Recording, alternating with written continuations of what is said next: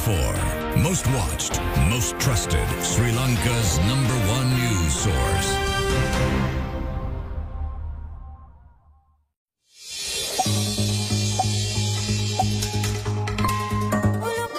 කෝමාරිකා සමඟ දෑතට සුමුදු මබල් ඩිටර්ජෙන්ට් පවුඩ.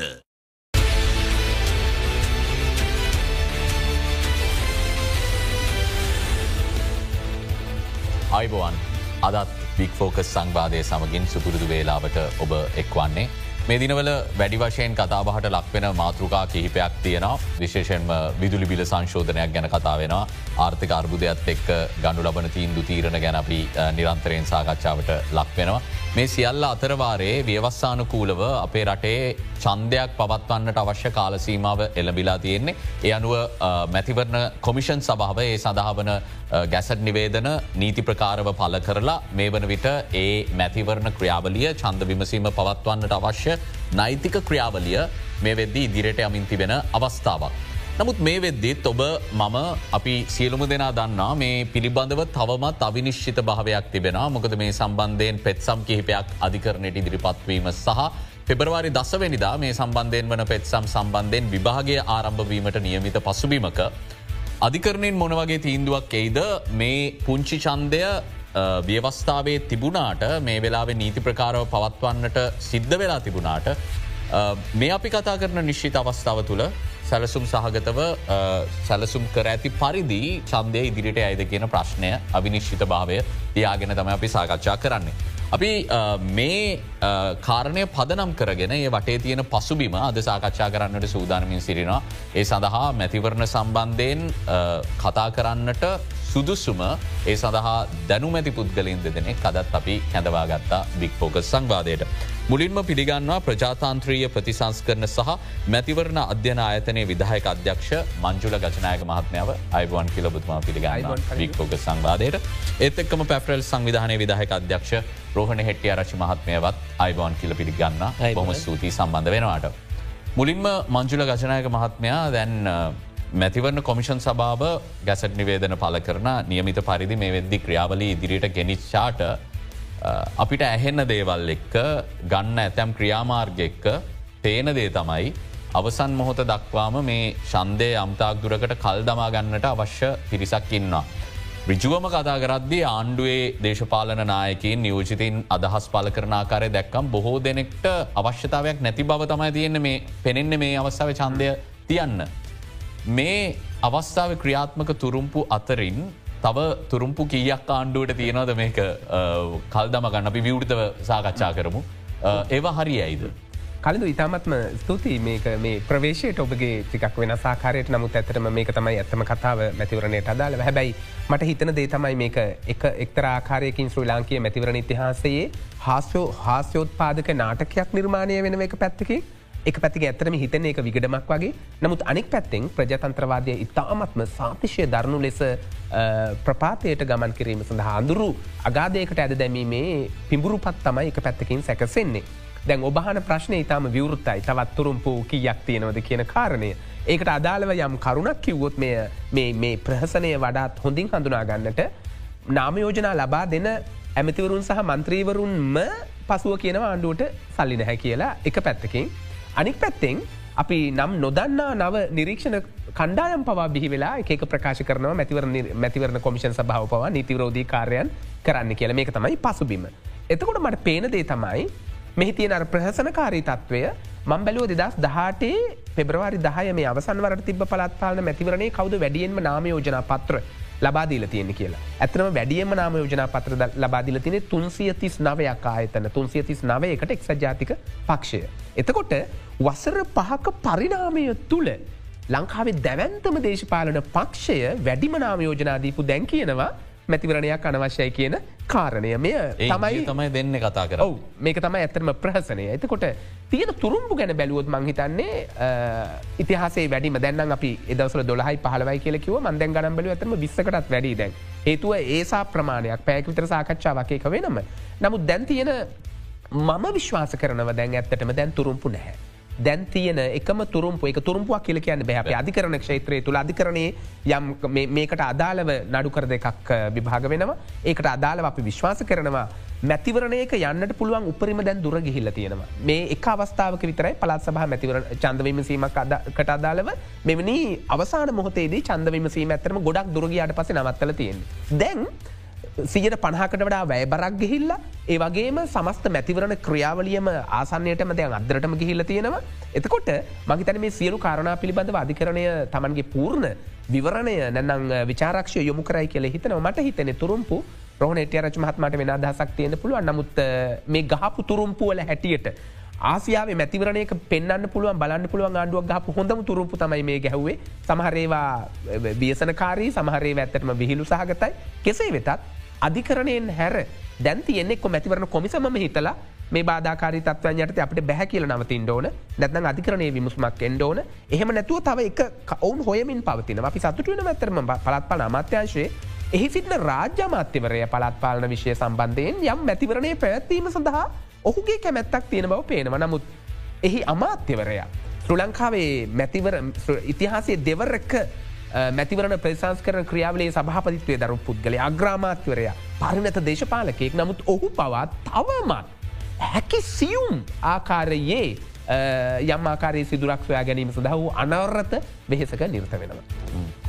අපි රෝහණ එට්‍යාරච මහත්මයට යොමුණොත් ඒත් එක්කම ඔබතුමාගේ අත්දැකීම් එක්ක ඔබතුමාගේ අධ්‍යනයන් එක්ක මෙතුමා කියන මැතිවරණ ක්‍රියාවලිය මෙතරම් දුර ඇවිල්ලත් ලංකාවේ අත්හිටෝපු තාවකාලිකව අත්හිටෝපු මැතිවරණ ඉතිහාසය තියෙනවාද? මෙච්චර දුර ඇවිල්ල.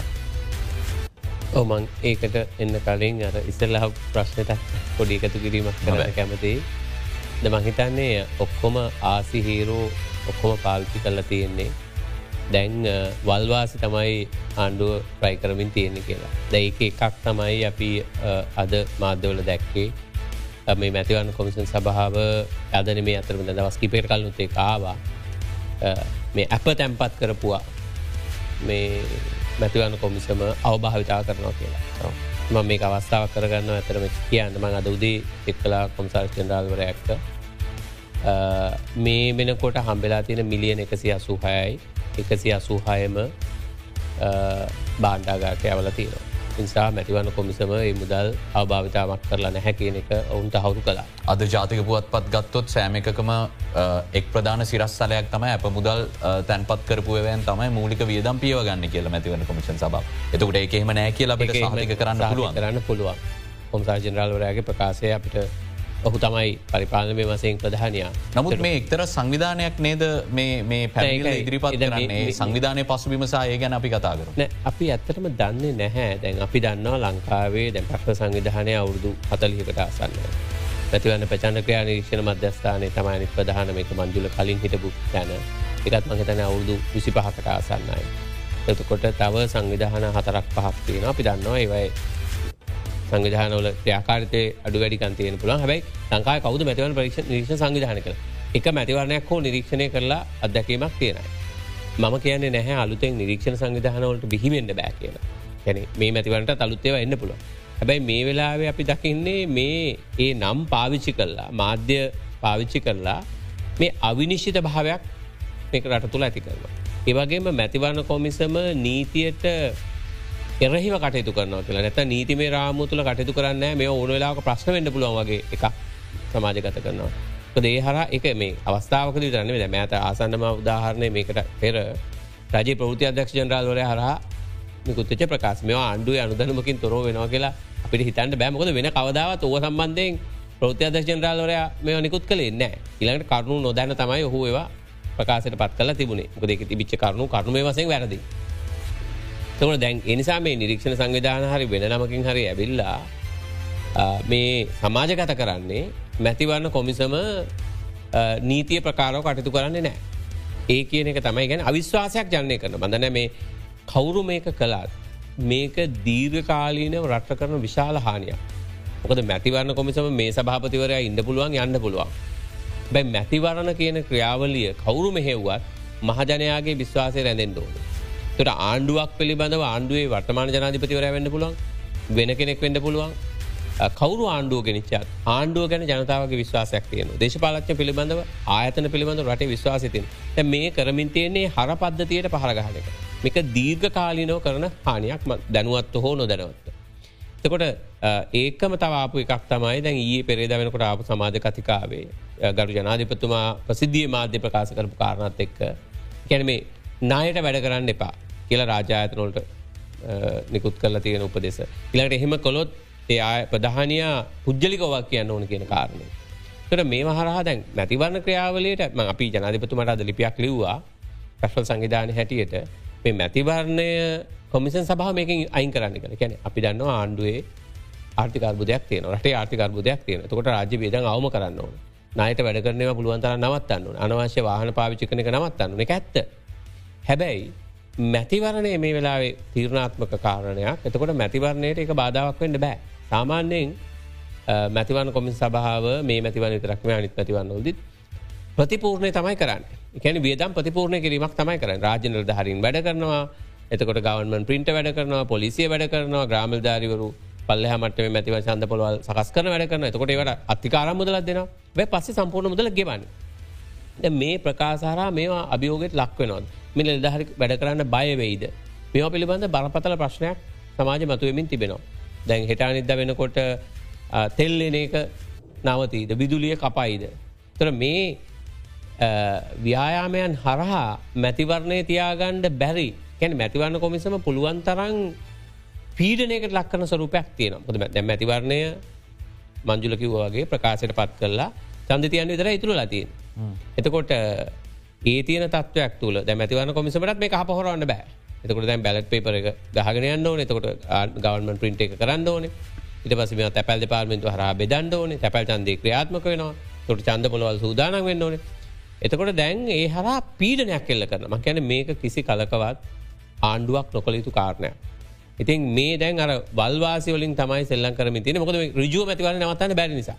ොද එක පැත්තකින් අනුකම වස්ථාව තිස්තුන ඇන්න වගන්තය යටතේ ජනාධිපත්තුමාගේ බලතල හා කාරයන් කියන යටතේ තියෙනවා මැතිවරණ කොමිසම ඉල්ලීම පරිදි මැතිවරණයක් පවත්තන්න අවශ්‍ය පරිසරය නිර්මාණය කිරීම ජනධිපතුමාගේ වක්වීමක් හැටිය. මම හිතන්න දැන් අපි නිදහසුස්සවඇත් සමරණ වෙලාවේ මේක ඇත්තටම ස්වර්ණමය අවස්ථාවක් ජනාධිපත්තුමාට ලෝකේටම කියන්න.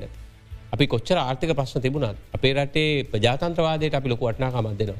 චන්දදායකගේ චන්දායිතය ලොකු වටනාකමත් දෙනවට ඒ ප්‍රකාශය තුමක් කළොත් මැතිවරණ තියන්න අවශ්‍ය පරිසර නිර්මාණය කළොත් ලෝකයේ ඉදිරියේ අපි විශාල කීර්තිමත් කීර්තියක් අත් කරගන්න.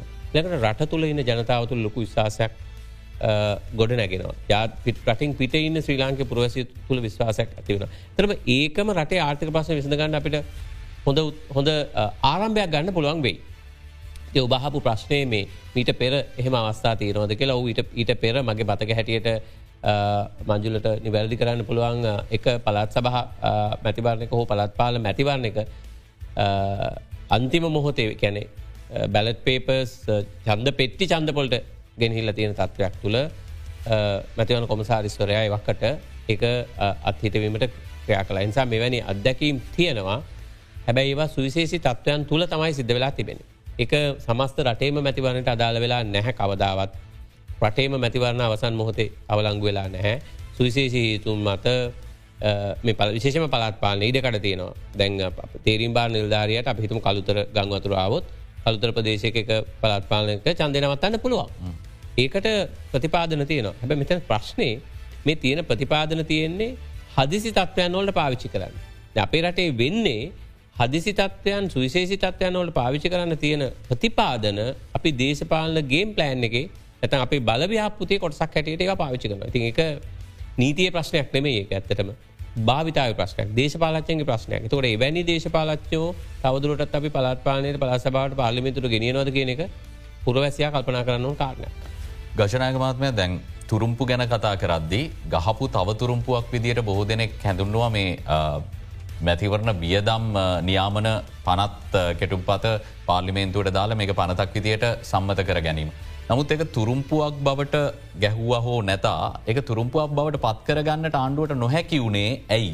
එතන බාධකය වුණේ මොකක්ද. ඇතරම කාරණ දෙකක් ඕකට බලපෑව. එකක් තමයි එක පැත්තිකින් අපි බොහම සතුට වෙනවා. මොකද නිරීක්ෂණ ආයතන විදිට අපි ඒකට බොහෝ කැපවුණ පැෆරල ආයතන ඇතුළ බොහෝ ආයතන. කෙසේ වෙතත් ඒකට කාරණ දෙකක් බලපෑව. එකක් තමයි ඒ තුරුම්පුුව ගහන අවස්ථාව වන විට සියලු දෙනා දන්නව දැන් දැන් කලින්දු ඇත්තටම දැන් අපි යම්මාකාරයට ක්‍රීඩාවක් වෙද ඔබ සප්‍රයිස් කරන්න ඕනේ මොනහරි තුරුම්පුවක් අදිනව කියන්නේම ඔබට යනේනමං නැති ආකාරයට ඇත්තටම මේ ඔබ මේ පුදුමයට පත් කිරීම බූත කරන්න තුෂ්නිම් භූත කරන්න ඕන හැබැයි මේ අවස්ථාවේදී කවරු දැනගෙන හිටිය මේ තුරම්පු ආදිනව කියලා. එනිසා ඒකට අදාළව ලොකු සමාජ කතිකාවක් ලංකාව ඇති වුණ. මේ සමාජ කතිකාවත් එක්ක ඒ තුරම්පු අදින කොටම එතන හිටපු විපක්ෂේ මන්ත්‍රීවරුන් ඇත්තටම විපක්ෂනායකවරයා ප්‍රමුඛ මගේ මතකේ විදිට එකට අදාළව යම් සූදානමක් තිබුණ ඔවුන් මේ තුරුම්පු අදිනවාය අපි ඒකට ප්‍රතිඋත්ස උත්තර දිය යුතුය කියලා. එනිසා ඒක තමයි ප්‍රධාන වශයෙන්ම සිද්ධ වෙච්ච කාරණය. දෙවැනි කාරණය තමයි දැන්. දෙවැනි කාරණේ දියවුන් බලාපොරොත්තුලා පාර්ලිමේන්තුවේ සම්මත වනා. මේකට අදාළව මැතිවරණ කොමිෂන් සභාවට මේක ගියාට පස්සේ. ඔවුන් දැන් අපි දන්න ඇත්තටම මුල ඉදලම තියෙන කතාව තමයි මේක මේකට අදල් රෙගුලේෂන් හැදෙන් ඕන යම් යාන්ත්‍රණයක් නිර්මාණය වෙන්න නතකොට මේකට ඇත්තටම මාසයක් දෙකක් තුනක් විතර යනවා. විශේෂෙන්ම මැතිවර කොමිෂන් සභාවත් රාජායතනයක්සේ අපි ගණන් ගන්නවා නම් එකැනෙ ස්වාධන කොමිෂන් සභාවක් තමයි. නමුත් අපි දන්නවා රාජායතනයක තියෙන බොහෝම මේ මේ අනලස් නොවන කම්මලිකාරි ක්‍රියා කලාපය තුළෝකට මාස දෙකතුනක් යනවා. හැබැයි මැතිවරණ කොමිෂන් සභාවට ඒක පැමිණෙන අවස්ථාව වන විටත්. සභාපතිතුමා ප්‍රමුඛ කොමිෂන් සභාව නිලධරයන්න ඒකට දාල ක්‍රියා පිළිවෙල අදාළ ක්‍රියාමාර්ග අරගෙන තිබුණ. සහ කතානායකතුමාගේ අස්සන පැමිණෙන විටම එය ක්‍රියාවට නගන්න පුළුවන් විදිට යාන්ත්‍රණය හදල් තිබුණ. බලාගෙන ගයාම කලු මෙතන උනේ අනුන් තුෂ්නිම් පූත කරන්නට ගිහිල්ලා තමම තුෂ්නිම් භූත වෙන්න තමයි ඇතන ආණ්ඩුවට සිද්ධ වනේ මෙතන මවෙන්නවාගේ පනත ප්‍රකාරව නාමයෝජනා බාරදීලා දින පහක් ඇතුළත අපේක්ෂකෙක් වියදම් කළ හැකි උපරිම මුදල මැතිවන කොමිෂන් සභාව ප්‍රකාශයට පත් කළ යුතුයි ප්‍රකාශයට පත් කළ යුතුයි. එහි තියෙන ඉතාම ලස්සන කාරණය තමයි ඇතනම ප්‍රසංසාත්මක මැතිවර කොමිෂන් සභාවට සඳහන් කළ යුත්තේ. ගරු කතානායකතුමාගේ අස්සන පැමිණෙන දිනයේ දීම ඇත්තට මස්සන පැමිණි විටම මැතිවරණ කොමිෂන් සභාවට හැකිවුණා දේශපාල පක්ෂ කැඳවන්න කොළඹට ස්වාධන කණ්ඩෑම් කැඳවන්නට දිස්ත්‍රික මට්ටමට ඒවන විට ඇතර මේදා දවසේ ඔවුන්ට හැකියාවක් ලැබුණ සම්පූර්ණයම රෙගුලේෂන්ටි හදාගන්න. ඕන හෙටිය රච මහත්ම මගේතු කරනව ඒකට ඇත්තන අලුත් මංජුලේ හරි පැදිලියක නමුත චූටි කෑල්ලක් මහිතන එක කිවත් හොඳයි කියලා. මේ පනත සම්මත වනේ මංජුල කිව්වාගේ විසි හතරව නිදා. එතකොට ඔබ සඳහන් කලාවගේ දින පහක් ඇතුළත මේක ගැසට කරන්න ඕනේ. එතකොට දැ මේක අලුත් පනතක්නේ හැබැයි නාමෝජනා කාලය අවසන් වෙන්නේ විසියෙක් වෙනිදා. එතකොට දින පහ ගණන් හැදෙන්නේ විසියෙක් වෙනිද ඉඳලා. එතකොට නාමෝජනා කාල මේක සුවිශේෂි තත්වයක් ඉළඟ මැතිවරනොද මේ ප්‍රශ්නය නෑ ොද පන්ත තියෙන හිද. තොට විසියෙක් වෙන්න ඉඳලා දින පහ ගණන් හැදෙනවා හැබැයි නීතිය සම්බත වෙන විසි අතර හතර. එතකොට ඇත්තටම මැතිවරණ කොමිසමට දින දෙකයි තිබුණේ. මේක මංජුල නිබ තාම නිවැරදිව කිව්වා. සාමාන්‍ය රාජායතනක සරුපෙන් ගත්තනම් මේ කවදාවත් වෙන්න ඇති එක. තමලට ආණ්ඩුව කල්පනා කලා වෙන්න පුළුවන්. අපි දන්න අපිට චෝදනා කරන්න බැහැ කොද මේක ඇතුලේ සත්භාව තිබුණම නෑ කියලා අපිට කියන්න බෑ. අපි ස්තුතියන්තය නොන ජනාධිපත්තුමාට සහ අධිකරනමතිවරයට මේක සම්මත කිරීම පිළිබඳ සහ දේශ අනි දේශපාල පක්ෂෝල් අඩු පාඩු තිබුණා. හැබැයි එක ඇතුළේ අපි දන්නවා මේක ස්ට්‍රටජිකක් හැටියට තම යාව කියලා. හඩිමුඩියේ එතකොට ඒ දවස් දෙකක් තමයි මැතිවන කොමිසමට අනිත කතානායකවර මේ අස්සං කරයිද නැද්ද කියලා විශ්වාසයක් තිබුණ එත් නෑ ඒ විරචකම අස්සං කලෙත් නෑ කතානායකතුමා. තවට කතානායකතුමා අස්සං කලොත් මේක තමයි අපි ගන්න ක්‍රියාමාර්ගය කියන පදන මෙන් මැතිවන කොමසම ක්‍රියා කල නිසා මහිතන සභහපත්තුමා ඇතුළු කොමසාර්ජනරල්තුමා ඇතුළු ඒ නිලධහරීන්ට මේ රටේ ජනතාවගේ සහ අපේ නිරිශ්ෂක හැටිට අපේ විශේෂ ස්තුතියක් පිරණමෙන්ඩ ඕනේ. මතන ඔබට පැහදිලි ඒක තුරුම්පුවක් වුණා නම් අපි දන්න නෑ තුරුම්පුවක් වුණානන් ඒ තුරුම්පුව අසමත් වනේ ඇයි කියන කාරණයට තාම් පැහදිලි ඇති. රෝහණට්‍ය රචමාත්මය දැන් ඔබ දෙපලට මේකට පිළිතුර ලබා දෙන්න පුළුවන්. දැම් ඇතිවරණය ගැන කතා කරද්දි රූපවාහිනී සංවාධවලටාවට පස්සේ ඒත් එක්කම රූපවාහිනී අපි කියන බොයිස් කට් එකක් දුන්නත් දේශපාලනත්නයෙක් බොහවිට කියන එකක් තමයි මේ චන්දකාට දෝන මේ චන්දය ඕනේ විපක්ෂයේ දේශපාලන බලාරමුණු තියෙන පිරිසටයි. සමාලට මැතිවරණ නිරීක්ෂණ සංවිධාන ටිකටයි. මෙයට නෙමේ. ලංකාවේ සමස්ස ජනතාවගේ මේ වෙලා ඇහුවොත් උගොල්ලොට මේ වෙලා චන්දයක් ඕනෙද කියලා බොහෝ දෙනෙක් අපට චන්දයක් එප. අපිට මේ ආර්ථික තත්වය පොඩ්ඩ සමතයකට පත් කරලා දෙන්න කියලා. තකට මේ තර්කයට මොකක්ද දෙන්න තියන පිළිතුර ඇත්තරම අපි අහල නෑනේ හැමෝගෙන් ඔබට චන්දයක් ඕන ඉතා ඉතා සරල උත්තරයක්න තියෙන්නේ. දැන් මේ අපි තියන්නේ හැත්තෑ පස්වනි මැතිවරණය. මට කියන්න ඔබට පුළුවන්නම් කාටහරි මේ රටේ පුරුවැසයකුට මේ කලින් තියපු මැතිවරණ හැත්ත හතරෙන් කොයි මැතිවරණයද චන්දදායකයගෙන් අහලා තිබේ කොට මේ මැතිවරණය ඕනෙද කියලා. හැත්ත හතරත් තින මේ මැතිවරණ සමාලාට මේ බොහෝ අය කතා කරන්නේ පලවෙනි වතාවට මේ මැතිවන්න තියෙනවාගේ මැති ආපු කාලය වගේ. මැතිවන ආපු කාල වගේ. මේ මැතිවන තියන අරවත් එක සාකච්ඡා කලාද මේ කණ්ඩායමක සාකච්ඡා කලාද සල්ලි තියෙනවද? බෙහෙත් ගණඩ පුළුවන්ද? වහීද? ගොයන් කුම්කුඹුරු මේ අස්වදන කාල වුණොත් එක ප්‍රශ්නයක් වේද සිංහල අවුද්ධට ගැටලුවක් වෙයිද? පොහොර තියෙනවාද? මේ ඔක්කොම ඔක්කෝනික පලවනි වතාවට වගේ. මේ හැත්ත හතරක් තියල තියෙන එක මැතිවරණයක්ව ජනතාවකින් අහල නෑ ොද හෙම කරන්න ලෝක කොහවත් රටක මැතිවරණයක් තියන්ඩද කියලා ජනතාවගෙන් හන්න ලංකාව තින ජනමත විචාරණ දැන් අපි දන්න ලාම්පු කලගටි සෙල්ලම එහෙම එකක් වුණේ මේක දීර කරනවද නැද්ද කියලා එහෙම මිසක් මැතිවරණයක් තියන්නද නැද්ද කියලා අහන්න කොහවත් නෑ. එහෙම තිබුණා නං මේ රටේ හුඟක් පාලකයෝ මැතිවරණ තියන්නෙත් නෑ. අපි දන්නවන කෑලි කෑලි තියලා කලින් තියලා කොහොමද මේ තමන්ගේ වාසියට මේවා පාවිච්චි කළය කියලා. දැ අපි හිතමුකෝ මේ පළත් පාල මැතිවරන්නේ මේ වෙලා ඕන්නෑ කියලා. එතකොට දැන් ඊළඟ පාර්ලිමේන්තු මැතිවරණ තියන්ද ආණ්ඩුව ජනතාවගෙන් අහනවද පාර්ලිමිතු මැතිවරණ තියන්න ඕනෙද කියලා. ඊළඟ ජනාධිපතිවරණ තියන්න ආණ්ඩුව අහනවද අන්ඩු හරි දේශපාල පක්ෂ කවරු හරි අහ මැතිවන කොමසම හරි අහනවද මේ චන්දය තියන්න ඕනෙද කියලා. එහෙම නෑ. ඒකට රටේ නීතියේ ප්‍රතිපාදන වෙන් කල්ලා තියෙනවා එක කාලින් කාලට වෙනස් වෙනවා දැන් ජනාධිපති දූරේ සහ පාර්ලිමේන්තුව නිල කාල ඉස්සර තිබුණ දස් දහනම සංශෝධනයට කලින් අවුදු හය පාලිමිතු තියදුක පාලිමිතු ඉදුක යිති ම අප නියෝත තම තනන්න එකගොල හරිට වැඩ කලා හොන්න කළ තාක්ෂණිකව අපේ නියෝත තොට අයට අයිතිය තියෙනවා. ඒගොල තිීන්දු කලා නෑ අවුදු හැකයන්න ඕන. පහකට සරත් යන්න කියලා. තොට පලාත් පාලනේ අවුදු හතරයි කියලා තීන්දු කල තියෙන තකොට නීතිය තව ඉඩ දීල තියෙන අර සුවිශේසි තත්වයක් තියෙනවන අවුරුද්දක් විශෂ බාරමතිවයට කල්ද දසමසේ අනුවකෙන් ගත් ගත්තොත් අවස්ථා දෙහෙක හැර අනිත් හැම වෙලාවෙම ඒ අවුරුද්ධ කල්දාලා තියෙනවා කවුරු බලය හිටිය මේ අන්ඩු විතරක් නෙමේ. එතකොට ඒ සීමාවන් දාලා තියෙන්නේ එහෙම දැම්මෙන් නැත්තං පාලකව ඒවට අනුගත වෙන නෑකෙන මූලික උපකල්ප නිසා ලංකා විතරක් මේ ලෝක හැම තැනම මැති නියෘත ප්‍රජාන්ත්‍රවාදය ක්‍රියාත්ම කරන හැම රටකම තියෙනවා මැතිවරණ තියෙන විදිහක්.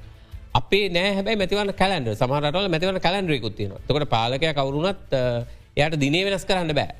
තකොට නිශ්චිත දින පකවානු තියෙනවා. එකැනෙ ප්‍රජාතන්ත්‍රවාදය ශක්තිමත් නැති රටවල පවා දැ උදාහනකට මෑතක ඉලක්ෂණ එක තිබුණ පිලිපීනි පවා පිලිපීනේ සාපේක්ෂෝ ඉතාම දූෂිත මැතිවර යාන්ත්‍රණයක් තියෙන. ැ පිලිපීනි පවා මැතිවර තියෙන දිනේ ආණ්ඩුවට තිීන්දු කරන්න බෑ.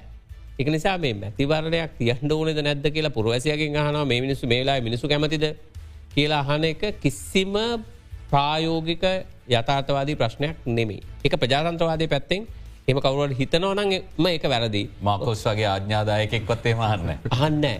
ඊලකට ඔබ ඔබ ඔබේ එට පුලන් ඊලක ප්‍රශ්නයත් ආර්ථිකය මේ වෙලා මැතිවනකට සුසුද කියලා? ලෝක කොහවත් ආර්ථිකය දිහා බලලා මැතිවන්න තේලත් නෑදැන් ලෙබඩනේ වගේ රටක් වුණත් ආජන්ටිනාව වගේ රටක් වුණත් මැලේෂියාව පකිස්ථානය එකන ආර්ථිකමය වස්සයෙන් රට ඉතාම බංකොලොත් තත්වයට මොහොතවල්ල පවා. එකන උද්දමනය සියට එකසිය පණහ විතර ගිපු රටවල් පවා ඒ නියමට මැතිවරන්න තිලතින මට එතකට හරස් ප්‍රශ්නයක් විත හන් පුලන් ලෙබනය ආජටිනාව වගේ රටවල් ගත්තම තවමත් ඔවුන් ආර්ථික අර්බුදේ ගිලමින් පවතින විශේෂම ලෙබනය. එතකොට කෙනෙකුට තර්ක කරන්න පුළුවන් මේ කරපු තර්ක මංගහන්නේ.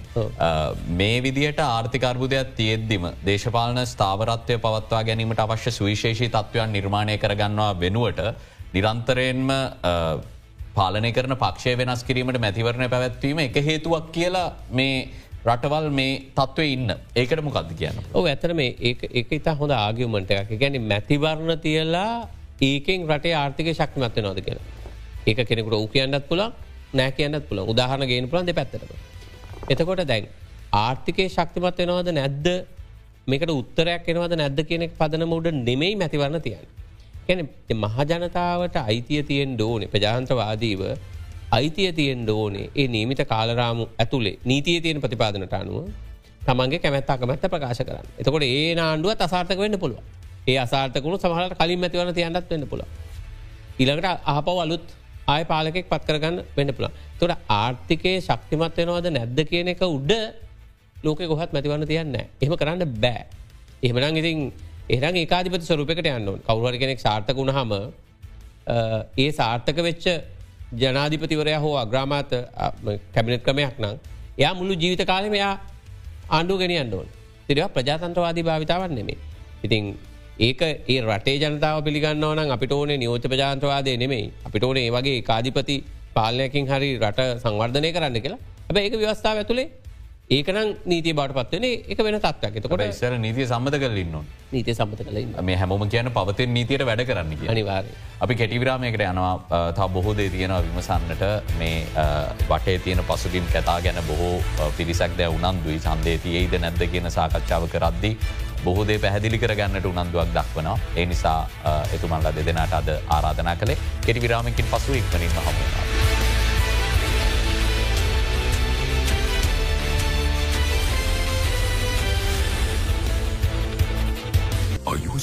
For job security and highest living standards? Then this is your immigration pathway to UK, USA, Australia, Canada, and Europe. Give your international career a boost by being globally recognized. Explore unlimited opportunities and experience unparalleled programs in nursing, biomedical science, physiotherapy, health administration, sports science, pre-hospital emergency care, psychology, nutrition and dietetics, and education right here at IIHS. Reserve your seat today. Call us on 0114 651144. හඳුන්වා දෙන රානී සඳුන් ශව creams original sandalwood coconut ක්‍රීමන් vanilla rose water saffron සහ මිල්කැන් හනි යන වර්ගහතරකින් රානී සඳුන් ශව ක්‍රීම්ස් ඔබත් මේ හතරම අදමත් විදින්න.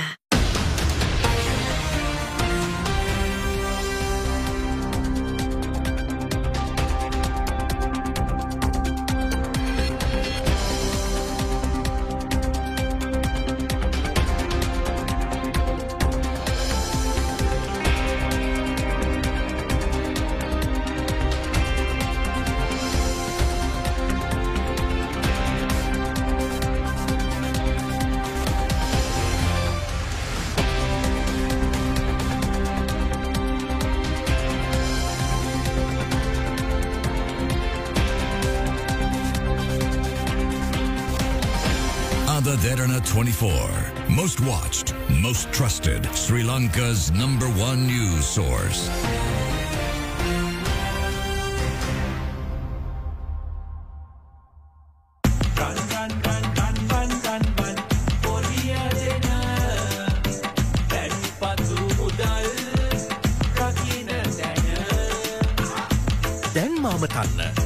බිඳුවයි හත්සය අසුවටයි තිස් අටයි තිස් අටයි තිස් අට ඒෂයා ඇසට ෆයිනන්ස් PLC ඔබේ වත්කමට විශ්වාසයෙන්.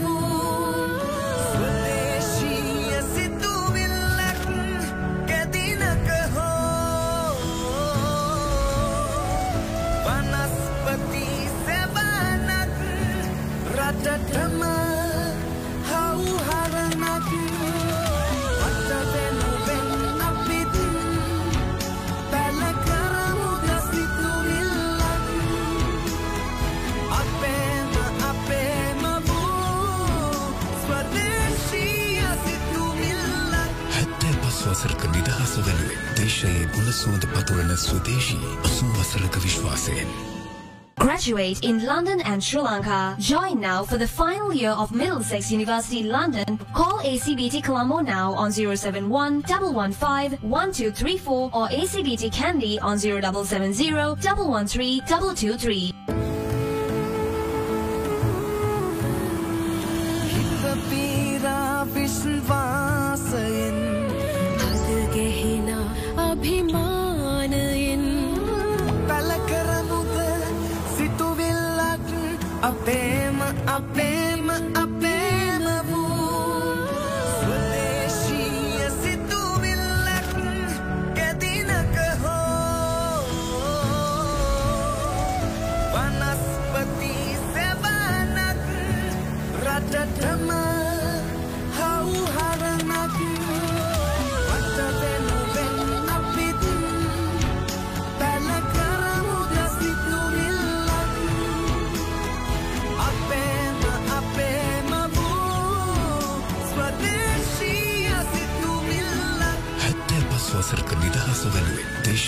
සුවඳ පතුරන ස්වදේශී සුවසරක විශ්වාසයෙන්.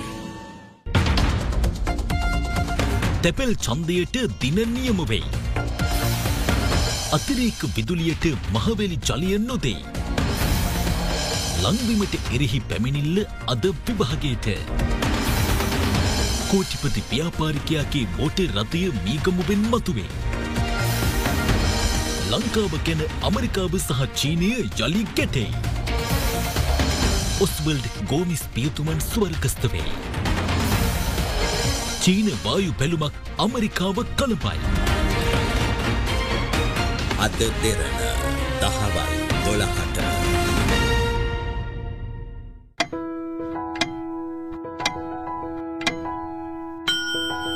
මිල කළ නොහැකි පාරම්පරික ගුණ සමුදායකින් යුත් ස්වදේශී කොහොඹ.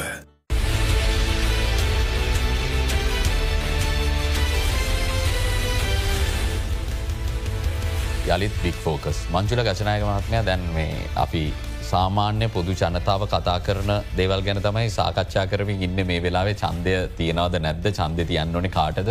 නිරීක්ෂණ සංවිධානවලටත් සාමානයෙන් පොදු චෝදනාවක්. මේක ජනතාවගෙන් කෙසේ වෙතත් දේශපාලිකව යම්ය මරමුණු තියෙන අය මේ ගැන කතා වෙනවා. ඇත්තත් තියෙනවද කියලත් තිතෙනවා. මැතිව නිරීක්ෂණ සංවිධානවට සන්දය ඕනේ. මොකද ඔවුන් ඉන්නම චන්ද තියන්න. චන්දයක් නැත්තං ඔවුන්ට පැවැත්මක් නෑ. එතකොට මේ සඳහා විශේෂ රාජනවන සංවිධාන විදිරි ක්‍රියාත්මක වෙන මේට විශාල විදේශ විනිමයක් න ඩොලර් ගලාගෙනවා. එතකොට චන්දය කල් ගියොත් මේ එන ඩොලර්ටික ප්‍රමාද වෙන. එනිසා මේ සුවිශේෂී තත්වයන් මොනවතිබ රටේ ආර්ථිකය මොකක් වුණත් ඒ තර්කය පිළිගන්න නැතුව මැතිවරණ නිරීක්ෂණ සංවිධානකයන් නෑ චන්දය ඕනෙමයි කියලා එහෙම එකක් නැද්ද ඇත්තරම.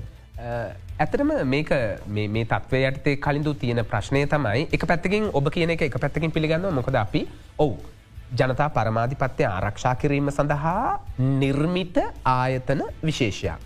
එබැවින් අපි හැම අවස්ථාවකදීම නිසි අවස්ථාව චන්දය අවශ්‍යය කියනවා එතකොට යම් කෙනෙකුට පේනට පුළුවන් ආරයි චන්දමන ඉල්ලන්න මේ ගොල්ලන්ට චන්දම අවශ්‍යය කියලා හැබේ දෙමන් ඒකට විතරේක කිහිපයක් කිව්වොත්. එක.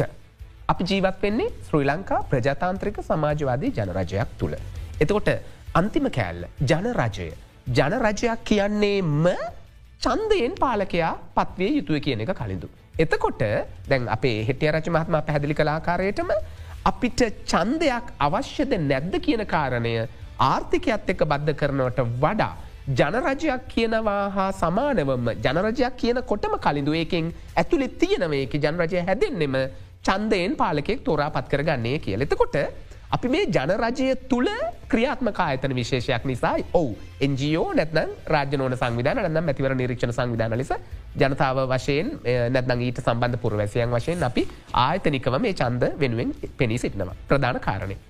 අනිත් කාරණය බැලුවොත් මේකට අවසානට කියන්න කාරණය අමතක වෙනිසල මුලින් කියන්න එක පැත්තකින් කලින්දු මෙවැනි අවස්ථාව අපිට පුළුවන්නම් මේ දැන් ඔබ ඔබම කිව ඩොලර් ගලායනව කියලා. කලිතු මේ දිනවල අපි අප්‍රතිහත දෛර්යයකින් සහ සාමාන්‍ය උත්සාහයක් ගන්නවා. ඩොලර් ටික හොයාගන්න මැතිවර නිරීක්ෂණය කරන්න ටිකක් අමාරුයි මේ දවසල ඔබ දන්න පලත්පාලන ආයතනවලට ටිකක් පලත්පාලන ආයතන නිරීක්ෂණ කිරීමට අපි අපහසුකට පත් වෙනවා හෙටිය රචමහත්මට ඩොලර් ගලායනව දන්න මේ දවසල නමුත් අපි අපහසුවකින් ඉන්න මේ දවස්සල කෙසේ විතත්. හැබැයි මේ දවස්වල පුළුවන්න්න ඩොලර් ගලාගෙන ඇවිල් අපිට මේක මේ වෙනුවෙන් දායක වෙන මේ ආර්ථික මේ උද්දීපනයක් සඳහා ඒකත් අපේ සතුරට කරුණක්. හැබැයි එය වේතරේකයක් වශයෙන් පැවසුව හොත් අපට කියන තියෙන කාරණය තමයි දැන් කලින්ද ඔබ කලින් අප ප්‍රශ්නය මැහුවන එතකොට මිනිස්සුන්ගෙන් හලද චන්දයක් තියන්න. එතකොට දැන් ඔබට මතකද දෙදස් දහටේ සැප් ඔක්තෝම්බර් විසි හය ශ්‍ර ලංකාවේ හිටපු මේ වර්තමාන ජනාධිපතිවරයා අගමතිවරයා වශයෙන් පලවාහෙරල තමන්ගේ දූරයෙන්. හිටපු ජනාධිපති මෛත්‍රීසා පාල සිරිසේන මහත්ම මහින්දරාජපක්ෂ මහත්ම අසුනේ ඉන්දෙව්වා. එතකොට කාගෙන් හරි එක පුරවැසියෙක්ගෙන් අපි හනුව දැක්කද මේ අගමති ඕන නෑනේ අපි අලුත් කෙනෙක් පත්කරම හිටපු කෙන පත් කරම කියල.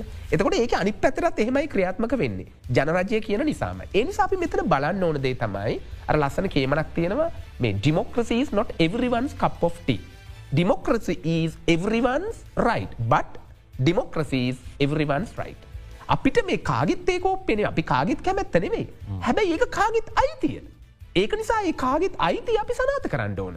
ඒක තමයි මේක තියෙන ප්‍රශ්නය මේක තියෙන සැබෑ ලස්සන. එතකොට අපි නිරීක්ෂණ සංවිධාන විදියට කලින්ඳු මේක ඉතිහාසය ඔබ හරියටම බැලුවොත්. අපි කියල තියෙනවා වර්ග කීපයක් තියනේ මැතිවරම කෙටීම පවසන් ඔය මේ කෑ- කෑලි කෑලි මැතිවරණ තියෙනවා ඌ පලස් බව වෙනම තියෙනවා බස්නාහිරය මෙම තියෙනවා. ඒක තියන්නේ රාජ්‍ය යාන්ත්‍රණයට වාසියක් ගන පාලක පක්ෂයට අපි එවනි අවස්ථාවල කියල තියෙනවා මේ කෑ අපිට හොඳන කෑලි කෑලි තියෙනවන හැබ අපි කියල තියෙනවා මේ කෑලි කෑලි තියන්න එපා සම්පූර්ණ මැතිවරණය තියන්න. ඒ වගේ අවස්ථා. ඊළඟට හොඳට කල්යල් බලලා විසුරු වන්නේම තමන්ට පහසු අවස්ථාවක්. එවනි අවස්ථාත් තියෙනව. එවනි අවස්ථාවලත් අපි කියල්තින එහෙම කරන්න එපා මේක නියමිත අවස්ථාවක් කරන්න. තවත් අවස්ථාවල් ලංකාවේ එතුම මතක් කරම තුම මතක් කර ස්කෙඩුල් ලෙක්ෂන් නෑ ලෙක්ෂන් කලන්ඩරයක් නැතිහින්න මැතිවර කොමිෂන් සභාවට හරියට වෙලාවට කරගන්නත් බෑ එතුර අපි පැහැදිලිව අනාධිමත් කාලයකින්දල ඉල්ලනවා ඉලෙක්ෂන් කලන්ඩ එකක් දෙන්න එහෙම උනුත් අපට පුළුවන් මේක වෙලාවට තියාගන්න කියල ඒ නිසා අපි අනවශ්‍ය වෙලාවල් වල මැතිවරණය පවත්වද හැම අවස්ථාවකද මීට විරුද්ධ වෙලා තියෙනවා හැබ. ඒ නිසා මේ ප්‍රජාතන්ත්‍රවාදී රාමුව ඇතුළේ තමයි කලින්දු අපි හැසිරෙන්නේ හැබැයි ඔබ දන්නව සුවඳ විලවුන් විකුණන වෙළෙන්දාට සුවඳ විලවුන් වල සුවඳ දැනෙන්නේ නෑ. ඒවගේ සමහර විට අපි දිහා බලාඉන්න ගොඩක් පිරිසකට ගොඩක් දේවල් අහන්න පුළුවන් කියන්න පුළුවන්. හැබැ මගේ උත්තරය තමයි ඒ වෙනුවෙන් ඒ හැම එකක්ම ප්‍රජාතන්ත්‍රවාදය සහ ජනරජය කියන දර්ශක දෙකට දාල බලන්න. ඉටිය රච මහත්මයට එකතු කරන්න ඇත්ති මගේ ප්‍රශ්න මංජුල කියපු කාරණෙත් එක්ක තව එකක් මතක් වුණ මගේ අර පුරවැසියගෙන් අහනවද කිපු කාරණයට පොඩිකක් එකතුරන මානත් එකට උත්තර දෙන්න ඕන අනිවාරෙන්ම ද අපි දන්නවා ගෝටාබේ රාජපක්ෂ මහත්මයා ඉවත් වෙලා ගහමනත ඉල්ලා සුනාට පස්සේ වර්තමාන ජනාධිපත්තුමා අගමාතිවර හැටියට ඉඳලා ජනාධිප දුරයට පත්වෙනවා. තොට අර කියන තර්කය එනවා නං. අපි දන්නවා ජනාධිපතිවරණයේදී මේ අපේක්ෂකු දෙන්න සම්පූර්ණම අහසට පොලෝ වගේ වෙනස් ප්‍රතිපත්ති සහ ඒ ඒ බරපතල විවේචනයක් දෙපැත්තට එල්ල වුණ. පාර්ලිමේන්තු මැතිවරණයේදී අපේ ගරු ජනාධිපත්තුමා ඒ පක්ෂයක් හැටියට ජාතික ලයිස්ව එක සීට්යකට තමයි තේරුණේ ජාතික ලයිස්වම් විතරයි එක හම්බුණේ. තොට එවැනි වටපිටාවක ඔහු රටේ විඩහැක ජනාධිපති වෙනවා. තවට කෙනෙකුට ප්‍රශ්න කරන්න පුළුවන් එක සදාචාරාත්මකද තොට පුරවැසියගෙන් අපව ඇහුවද කියලා හොදක බැලු බැලමට ඒ ප්‍රශ්නය සාධහරනව අහන්න පුළුවන්. හැබැයි අපි ඒ ප්‍රශ්නය අහන්නෑ. ඇයි. ගොද ව්‍යවස්ථාව තියෙනවා පැහැදිලිව ජනාධිපතිවරයා ඉවත්වෙච්ච මොහොතක රටේ ඒ වෙනකොට එවනකොට මේ වර්තමාන ජනතිපතුම අගමති හැටියට ඒ ආන්ත්‍රනය ඇතුළම පාර්ලිමින්දේ පත්කරගෙන හිටිය එක එක ක්‍රමාණුගුලෝ සිද්ධ වුණා තරු අග්‍රාමාතවර හැටියට ඉන්න කෙනා තාවකාලික වැඩබාන ජනාධිපතිවර හැට පත්වන ව්‍යස්ථාව පැදිලිව තියෙනවා. ඉලාට පාර්ලිමේන්තුවට නීත්‍යානුකූල බලය තියෙනවා. ව්‍යවස්ථාපිතව ජනාධිපතිවරෙක් තෝරා ගන්න. තොර අපේක්ෂකෝක ඉපදනෙක් ඉදිරිපත් වනා තර ඔහු පාර්ලිමෙන්තු මන්ත්‍රවේ තනි මන්ත්‍රීවරයා. හැබැ හැමෝම ඔහුව තොරල පත් කරගත් මොකද අපි තිදෙනම තම ඇතුමා පත්වෙච්ච දවසෙත් මේ මැදිරේ නම් කරේ දත් විරුද්ධනේ නෑ. එතකොට අපි ඒකට ගරු කරනවා.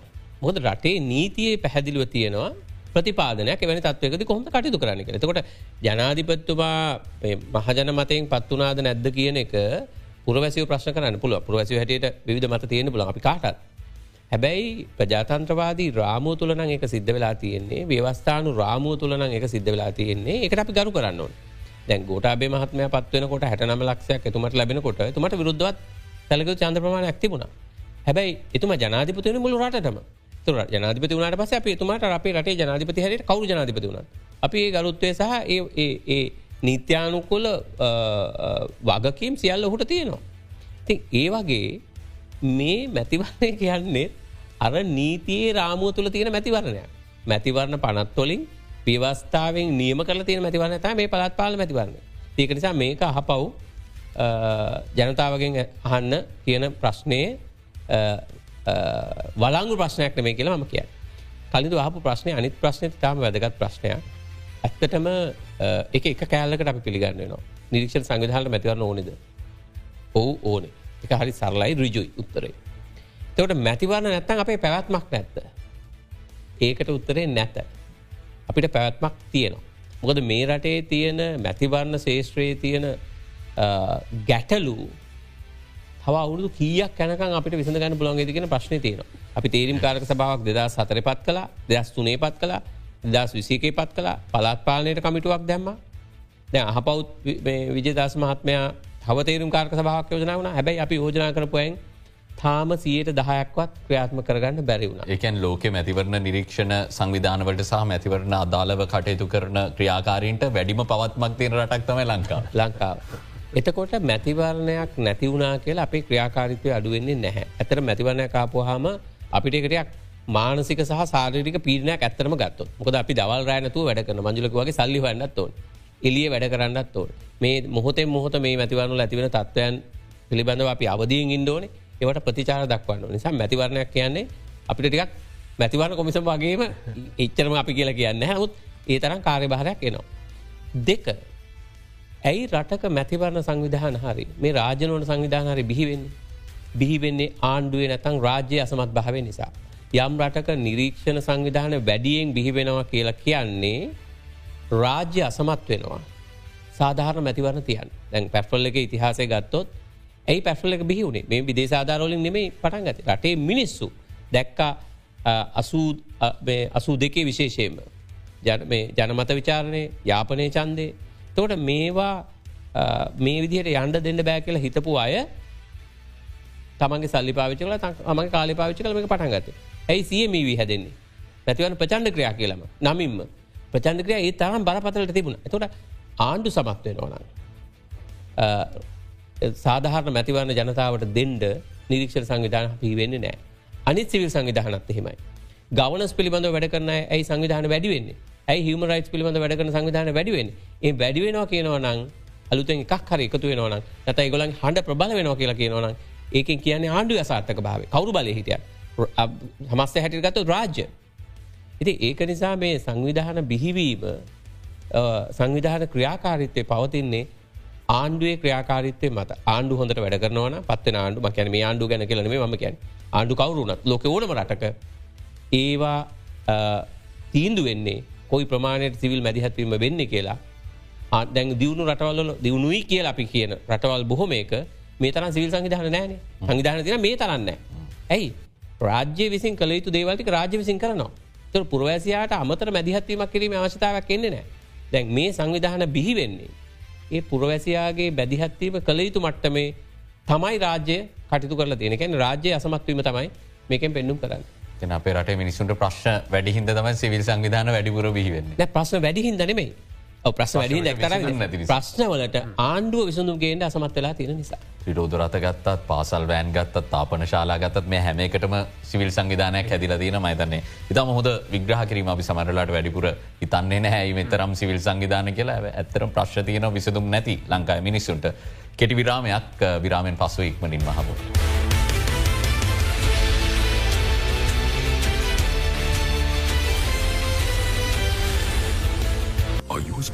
Job security and highest living standards? Then this is your immigration pathway to UK, USA, Australia, Canada, and Europe. Give you international career boost by being globally recognized. Explore unlimited opportunities and experience unparalleled programs in nursing, biomedical science, physiotherapy, health administration, sports science, pre-hospital emergency care, psychology, nutrition and dietetics, and education right here at IIHS. Reserve your seat today. Call us on 0114 651144.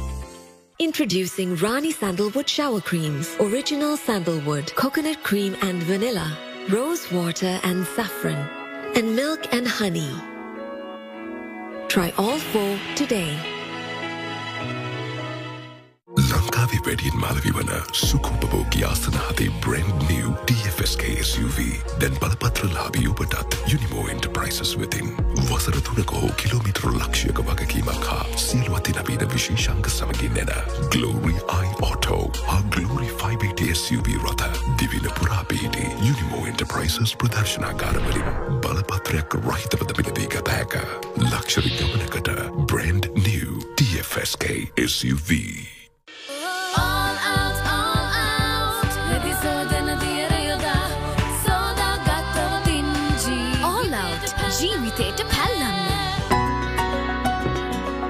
මං වාහනයන් නැතුව bike එක යන්න තීරණය කරා.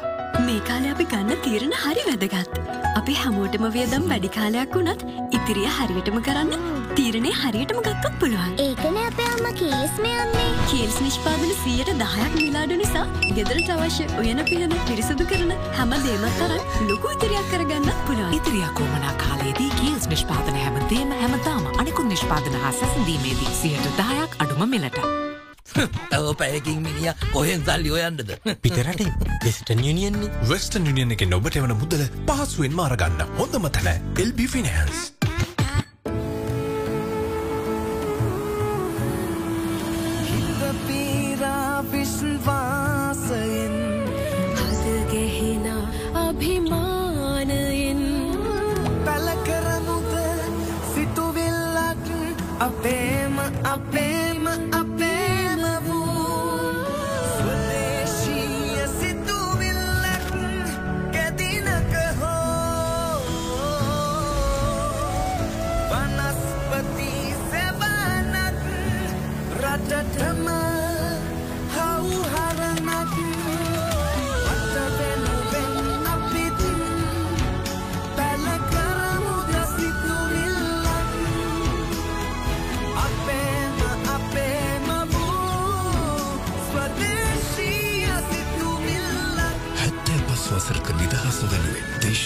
දේශයේ උලසුවද පතුරන ස්වදේශී ඔසූ වසරක විශ්වාසයෙන්.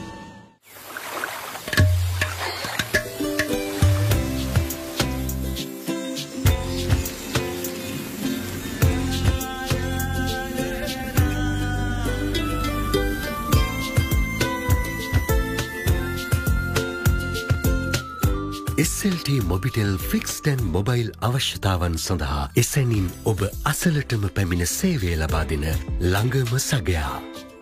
එම් agent සබැඳියාව ගෙදරටම.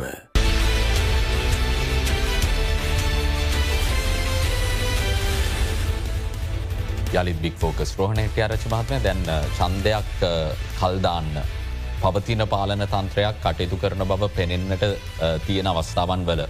ඔබතුමාල කරන ප්‍රකාශවලින් චේතනාන් විතවහරි නැතුව හරි ආණ්ඩුවට යම් කිසි ආකාරයක විවේචන එල්ලන. මුත් අපි දන්න කාරණය තමයි මැතිවරණ නිරීක්ෂකයෝ කියන්නේ ස්වාධීනව කටයුතු කරන පිරිසක් මත මතවාදයන් නිර්මාණය කරන පිරිසක් නෙමේ. මෙතනදී ඔබතුමාල මේ චන්දය අපේක්ෂාවෙන් කරන සටන ඇතුළේ පවතින ආණ්ඩුවට විරුද්ධ මතවාදයක් නිර්මාණය වෙන්න ඇද. කොහෙත්ම නෑ. අපිට අපි කාටත් වර්තමාන ජනාධිපත්තුමා පිළිබඳව ප්‍රලිකසිංහ මැත්තුමා පිළිබඳව පුද්ජලික ප්‍රශ්නයක් නෑ. අපිට අග්‍රාමාතවරයා පිළිබඳව ආණ්ඩුව පිළිබඳව පුද්දිලික ප්‍රශ්නයක් නෑ මේ කාරණයට අරබය. පොදුවේ අපිට විවේචන තියෙන පුරවැසියෝ හැටියට මේ රට මේ ආර්ථික අගාදයට ගෙනනිච්ච එක හැබැයි එක මේ ජනාධිපත්තුමාවත් මේ අගමැත්තුමාවත් විතරක් නෙමේ ඔවුනුත් එකට වක් කියන්න ඕනේ. හැබැයි මේ අපි කියන්නේ ෆැක්ස් අපේ අපේ විවේචන තියෙන කරු මත පදනම් වෙලා. අපි අපි මූලික පදනම හැටියට ගන්න මේරටේ ව්‍යවස්ථාව. අපි මූලික පදනම හැටියට ගන්න මේ මේ ජනාධිපත්තුමා අගමැත්තුමා ඒගොල්ලෝ පාර්ලිමේතුව සම්මත කරපු මැතිවරන්න පනක්. එතකොට ඒ ඔවුන් විසින් සම්මත කරපු නීතියට අනුගතව ක්‍රියා කරන්න කෙනෙක විතරයි අපි කියන්නේ. තර පුරවැසියාට මේක තනිතනිව ක්‍රියා කරන්න බැරි නිසා තමයි සිවිල් සංවිධාන සංවිධාන ගත වෙලාතේ ඒක ශේෂ්ටෝට අප අරිසලකුවගේ මානවකම් විශයට සමහරු සංවිධාන වෙන සමහරු සුභසාධන කටයුතුවලට එතකට අපි මැතිවරණ සම්බන්ධයෙන් සංවිධානගත වූ සමාජ කණ්ඩායම. තුර අපි මේ ඒ මූලික ව්‍යවස්ථාව සහ මූලික බැතිවරණ නීති නැතැගේ පනත්වොල්ට අනුගතව ක්‍රියා කරන්න කියන බලපෑම විතරයි අපි කරන්නේ අපිට පේනවා ආණ්ඩු ඒවා නොසලකා හරිමි. යනවා වගේ. දොට ඒකට සාධාරණ කරුණු අපිට දැක් පෙළගසල බැලුවොත් පහුගිය සුමාන දෙක තුන නැත්තක් මාසේ දෙක ගත්තෝත්. මැතිවරණය නොතියන්ට දරපු උත්සාහයන් ගණනාව සමහරව කියන පුළන් නෑ අපි එකන මේ අරමුණ කළ හැබයි සරල උදාහනගතුත් කැබිනට් මන්ලේ හරහා මේ රාජ පරිපාලයකම්මරය නිකුත් කරපු චක්‍රයක ගත්තොත් ඉතා සරලරේකාවක්ේ පේනවා. එක ආණ්ඩුව පැදිහත්වීම තමයි කිය. ඉතින් අපි උත්සා කරන්න ඒක විසක් අපිට මේ ආණ්ඩුව පාලකයා ඒද බීද සීද කියන එක නිරීක්ෂණ සංවිධානවලට වැදගත් නෑ. කවරුණත් ප්‍රජාතන්ත්‍රවාදීව පත්වෙනවනම් හොඳ නරක වෙනම කතාවක්. තර මාර්තුලා වගේකද අපි අපේක්ෂය ගුණත්ව ගැන කතා කරන හැබැයි මෙතනද අපි කතා කරන්නේ ප්‍රජාතන්ත්‍රවාදීව සාධාරණ මැතිවරණයක් තුළින් පත්වෙනවනම් ඒ පත්වීම ඉඩකට ආරක්ෂා කල දෙන්න කෙනෙක විතරයි අපේ ඉල්ලීම වෙන්න. හොද බෙවින්ම සූතියන්තයන ඔබතුමාට මතන හදිසි රැස්වීමක් සඳහා ඇතුමා පිටත්වයා යුතු නිසා බෙවින්ම සූතියන්තයන ගමගේ සඳහා ඉඩ ලබා දෙනවා මම කැමති මංජුල ගචනායක මහත්මයට යොමුවෙන්න. දැන් මේ විදිහට සන්දයක් පිළිබඳ තියෙන අවිනිශ්්‍ය ස්භාවය කැම්පේෙන් එකක් කරන්න ලොකු බාධාවක්. දැන් අපිටත් ප්‍රශ්නයක් මාධ්‍යාතන විදිට අපිත් බොහෝ විට සූදානම් වෙන්න ඕනේ ඔබතුමාල සූදානන් වෙන්න ඕනේ අපේක්ෂික සූදානන් වෙන්න ඕන හැමෝම. සූදානම් වෙන්න තියෙන්නේ ඒ සඳ ආයෝජනය කරන්න තියෙන්නේ අවිනිශ්ිත භාවය. මේ කොච්චර බාධාවද සන්දයක් කලින්දු මේක මේක මංහිතන මේ වැඩසටහන යම්මාකාරයකින් නර්මණවානං මැතිවරණයට අදාළ පර්ේෂකයන් විශ්වවිද්‍යාල සිසු සිසුවියන්. ම මැතිවර නිරීක්ෂකෙක් ලෙස අදකින් සහිත කියන්න කැමති කළ ඉතාම වැදගත් ප්‍රශ්නය මෙය මැතිවරණ ඉතිහාසේ ටිකක් පළමු අතාවට නෙවෙයි. නමුත් සුවිශේෂී වශයෙන් මතුපිට එන පළමු අවස්ථාව මේ. එයට හේතුව තමයි ඔබ කියන ලද අවිනිශ්චිත භාවය. අවිනිශ්චිත භාවය ටිකක් එහට ගහට පස්සේ නිකන් අපට පේනේ අරාජික තත්ත්වයක් වගේ ඇත්තටම. ඔබ කියන එක මුළු මනින්ම නිවරදියට හේතුව තමයි අප නිරීක්ෂණය මුළු මනින්ම දැන් ඇන හිටල තිබෙනව එක ඇන හිටල කියල කියන අපි දේවල් කරනව තමයි. නමුත් අපි හැම අවස්ථාවකදීම මැතිවරණයකද ඉලක්ක කරගනු ලබන්නේ අවසාන මැතිවරණ දිනය. හැබැයි ඒ මැතිවරණ දෙනයට ප්‍රවේශවීමේදී ඊට අදාළ මූල්‍යාධාර වෙන්න පුළුවන් අනිකුත් වාර්තා අනිකුත් සකස් කිරීම බොහොමයක් තිබෙනවා. මාධ්‍යවන ඔබටත් ඒ සමානයි තමයි හැබැයි ඒ අපේ පැති තියෙන දුෂ්කරතාතික අපේ දුක්ගැනවිල ටික මේ අවිනිශ්චිත භාවයක් එක්ක. හැබැයි මෙය මම හිතනවා පාලක පක්ෂයක් ලෙස වර්තමාන ආණ්ඩුව ඇත්තටම විශේෂන්ම මේ දෙමුහුන් ආණ්ඩුවක් තිබෙන මේ දෙමුහුන්දේ පාලක පක්ෂ දෙකම මම හිතන ජම් ජාග්‍රහණයක් ලබල තිබෙනවා. සුවිශේෂී ජාග්‍රහණයක් ඒ තමයි සෑම ක්ෂේත්‍රයකම මැතිවරණයේ අවිනිශ්චිත භාවයක් රජයන වැට උඩටක වැට උඩකට දාලා තියෙනවා. මේ වැට උඩකට දැමීම තුළ සිද්ධ වෙන්නේ තරගයට ඉදිරිපත් වන අපේක්ෂකයන් මොන්දෝත්සාහහි වෙනවා අප වැනි මේ ක්‍රියාකාරී පුද්ගලයන් ටිකක් මේ පිළිබඳව ඇත්තටම සසල වෙනවා. ඉති මේ පැත්තෙන් බැලුවට පස්සේ ආඩුවලකු ජයග්‍රහණයක් ලබල තියෙනවා. හොදයි අද අපේ සාකච්ඡාවේ අරමුණ බවට පත්වනේ මේ මැතිවරණය හා සම්බන්ධ තියෙන නෛතික තත්ත්වයන් පිළිබඳ ඔබ දැනවත් කිරීම ඒත් එක මේ මැතිවරණය සම්බන්ධයන අවිනිශ්චිත භාවය සම්බන්ධයෙන් විවෘතව සංවාධ කිරීම අපි බහල සංවාධ කරන්නට උත්සා කරේ නෑ මේ තියෙන තත්ත්වය විවෘතව අපි දකින විදිර සංවාධ කිරීම තමයි අපේ අරමුණ බවට පත් වනේ. දැන් ඊයේ අග්‍රාමාත්‍යවරයා විශේෂ නිවේදනයක් නිකුත් කරමින් ස්ලේබ් බයිලන් කියන නම කොම්පංජ වීදිය කියල කරන ඉංග්‍රීසි භාෂාවනුත් කියල සඳහන් කර එහිදි ඔහු කිව්වේ වහල් දූපත කියන නම ඉවත් කරලා වහල් දූපත නිදහස් කරනවා කියලා. නමුත් අපි එකම දූපතක වහල්ලු නොවීන්න නම් පුරවැසියන් බවට පත්වෙන්න්න අපි සතු අයිතීන් මොනාද? අපිට ව්‍යවස්සාාවෙන් ලබිල තියෙන බලය මොනාද කියලා දැනුවත්වීම පුරවැසියන් විදිරිතාම් බැදගත් ඒ දැනුවත් කිරීමේ කාරය සිදු කරන්නට අපි බික් ෆෝකස් සංවාදය සෑම විටම විවෘත කල්ලා ඔබ වෙනුවෙන් ඒ කර්තාවේ සිදු කරනවා. දෙවින්ම සූතියන්තයන මංජුල ගචනායක මහත්මයට ප්‍රජාතන්ත්‍රය ප්‍රතිසංස් කන හා මැතිවරණ අධ්‍යනායතනයේ විදාහක අධ්‍යක්ෂවරය එතක අපිත් එක් පැෆරල් සංවිධාන විදාහක අධ්‍යක්ෂ රෝහණ හිටියාරචි මහත්මයත් සභාග වුණ එතුමන්ටත් බෙහිවින්ම සූතියන්ත වෙනවා අද අපේ සංවාදයට පැමිණියට. ඒ සමගින් අදට අපි සංවාධීන් සමුගන්න හෙටත් සුපුරුදු වේලාවට හමුවීමේ බලාපොරොත්තුවෙන්. ඔබට සිදුව.